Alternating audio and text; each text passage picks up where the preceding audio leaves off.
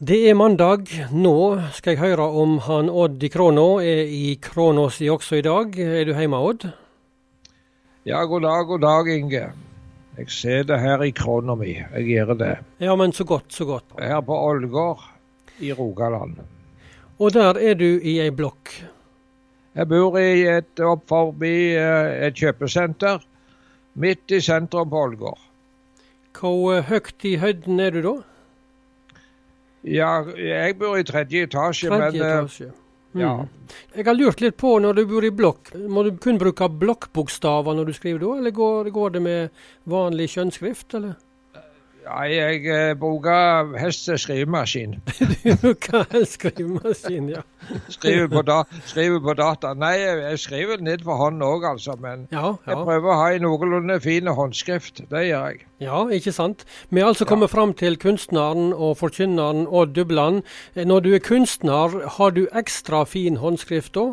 Hva vil du si?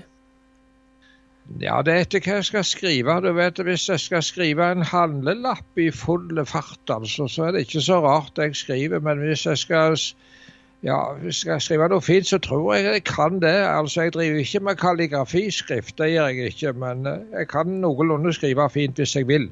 Det ligger i håndalaget da, altså, gjør kunstneren? Tja, det gjør kanskje det. Ja, ikke sant, Ja, ikke sant. Ja, Du, ja, du, apropos dette med håndskrift, det var vel noe du fikk på barneskolen på Varhaug, var det ikke det?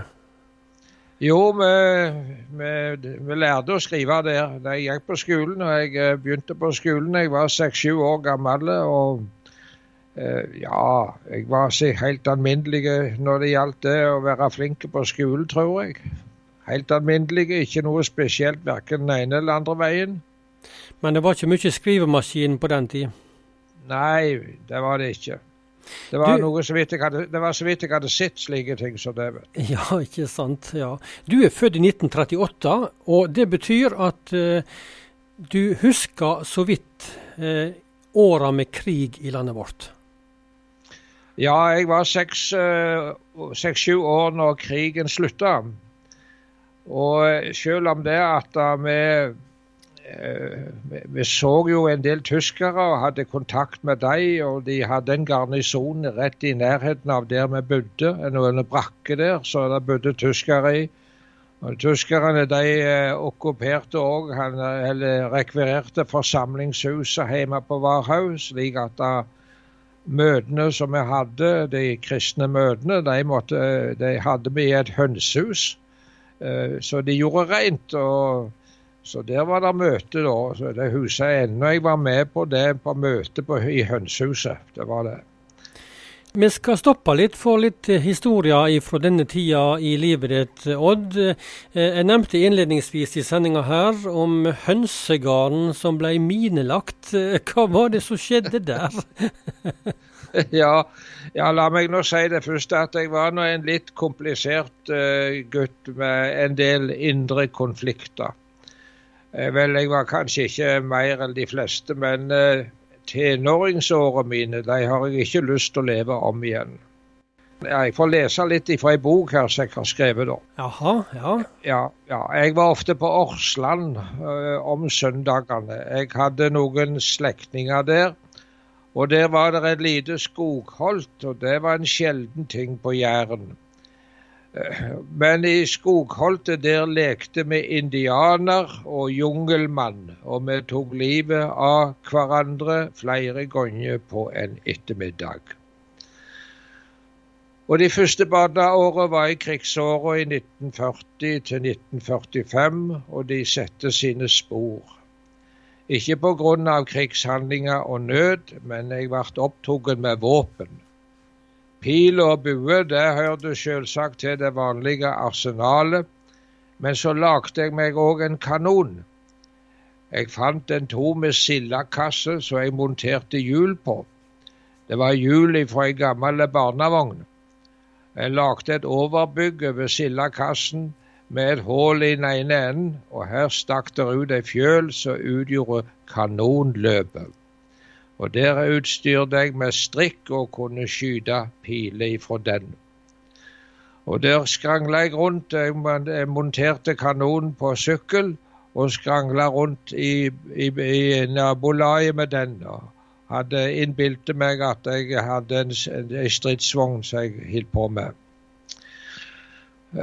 Og så var det plutselig en dag jeg kom hjem, og så så jeg til min gru at kanonen var stålen. Fienden hadde rett og slett lurt seg inn i bunkeren og okkupert kanonen. Eh, bunkeren det var nedkjøringa til potetkjedleren. Jeg drev med spionasje rundt hos naboene for å finne ut dette, da jeg plutselig fikk se en av kameratene mine sykle rundt med min kanon. Jeg grein mest av sinne men under ei våpenhvile så fikk jeg erobra kanonen tilbake og var full av hat imot alle mine fiender. Da krigen var slutt i 1945, måtte tyskerne fjerne alle minene som lå i strandsona og andre plasser. Bestefar og bestemor bodde på Nordvarhaug, og de hadde stranda og havet som nærmeste nabo i vest. Jeg var ofte hos dem og så de tyske soldatene som drev med minerydding. En ting skal sies om tyskerne, de var systematiske og grundige. Minene var ikke gravne ned i hytt og vær, men lagdes ned systematisk og markerte på kart. Jeg minnes ennå at hele stranda var fylt opp av små vimpler som markerte minene når krigen var slutt. I begynnelsen så tok tyskerne minene opp, men etter hvert så måtte de sprenge de på plassen. Det var kanskje farlig å ta de opp. Alt. Og Jeg minnes ennå eldglimtet og det forferdelige smellet når minene gikk av. Men helt grundige var ikke tyskerne heller, for bestefar min han plødde opp ei mine så heldigvis ikke detonerte. Men i dette med mine, dette med mine det opptok meg, og i min private krig mot alle fiender prøvde jeg å minelegge Hunsagarden hjemme. Jeg fant noen tomme skokrembokser, og de grov jeg ned mens hønene spankulerte i farlig område over slagmarsja. Men det tok slutt fordi mor oppdaget at det var ikke bare tomme skogkrembokser som ble brukte, og dermed senka freden seg over Hunsagarden. Men alvoret kom brått over oss. Det var den 15. juni i 1948. Jeg var i bursdag hos han Kjell på Trånerodla, og på ettermiddagen så hørte vi en forferdelig eksplosjon. Det var et drønn så det hørtes over hele bygda. Og denne eksplosjonen den kom oventil skretting. Og mor hans Kjell hun sa med en gang det hørtes ut som ei mine. Ja, dessverre, det var ei mine. Ikke av den minste sorten. Det var noen gutter som hadde funnet den. Og hele bygda kom i sorg han Stein på Voddel og han Johan på Skretting mistet livet. Han Stein var så gammel som meg. Søsteren hans Stein fortalte meg mange, mange år etterpå at før dette hendte, så hadde Stein sagt til henne at han ville synge en sang for henne. Og det var det Jesus la de redde dua snart få komme hjem til deg. Men så minnes jeg òg en kveld hjemme i stua i 1945. Det var den 19. februar, da det banka på stovedøra. Det var han Magnus, nabogutten. Han Oddvar er død, sa han stilt. Oddvar var en liten bror til Magnus. Og jeg minnes vi var borte på loftet, eller lemmen, og så Oddvar der han lå i kista.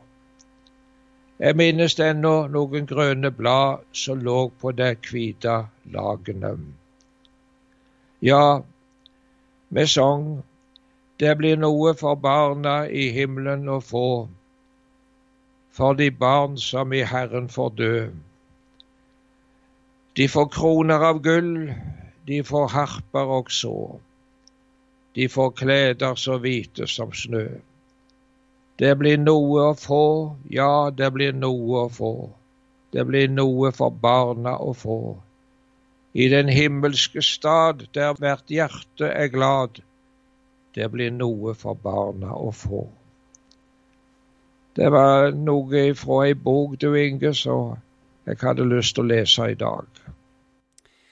Mange takk skal du ha, Odd Dubland, for at du delte disse historiene fra barndommen din med oss i innslaget i dag.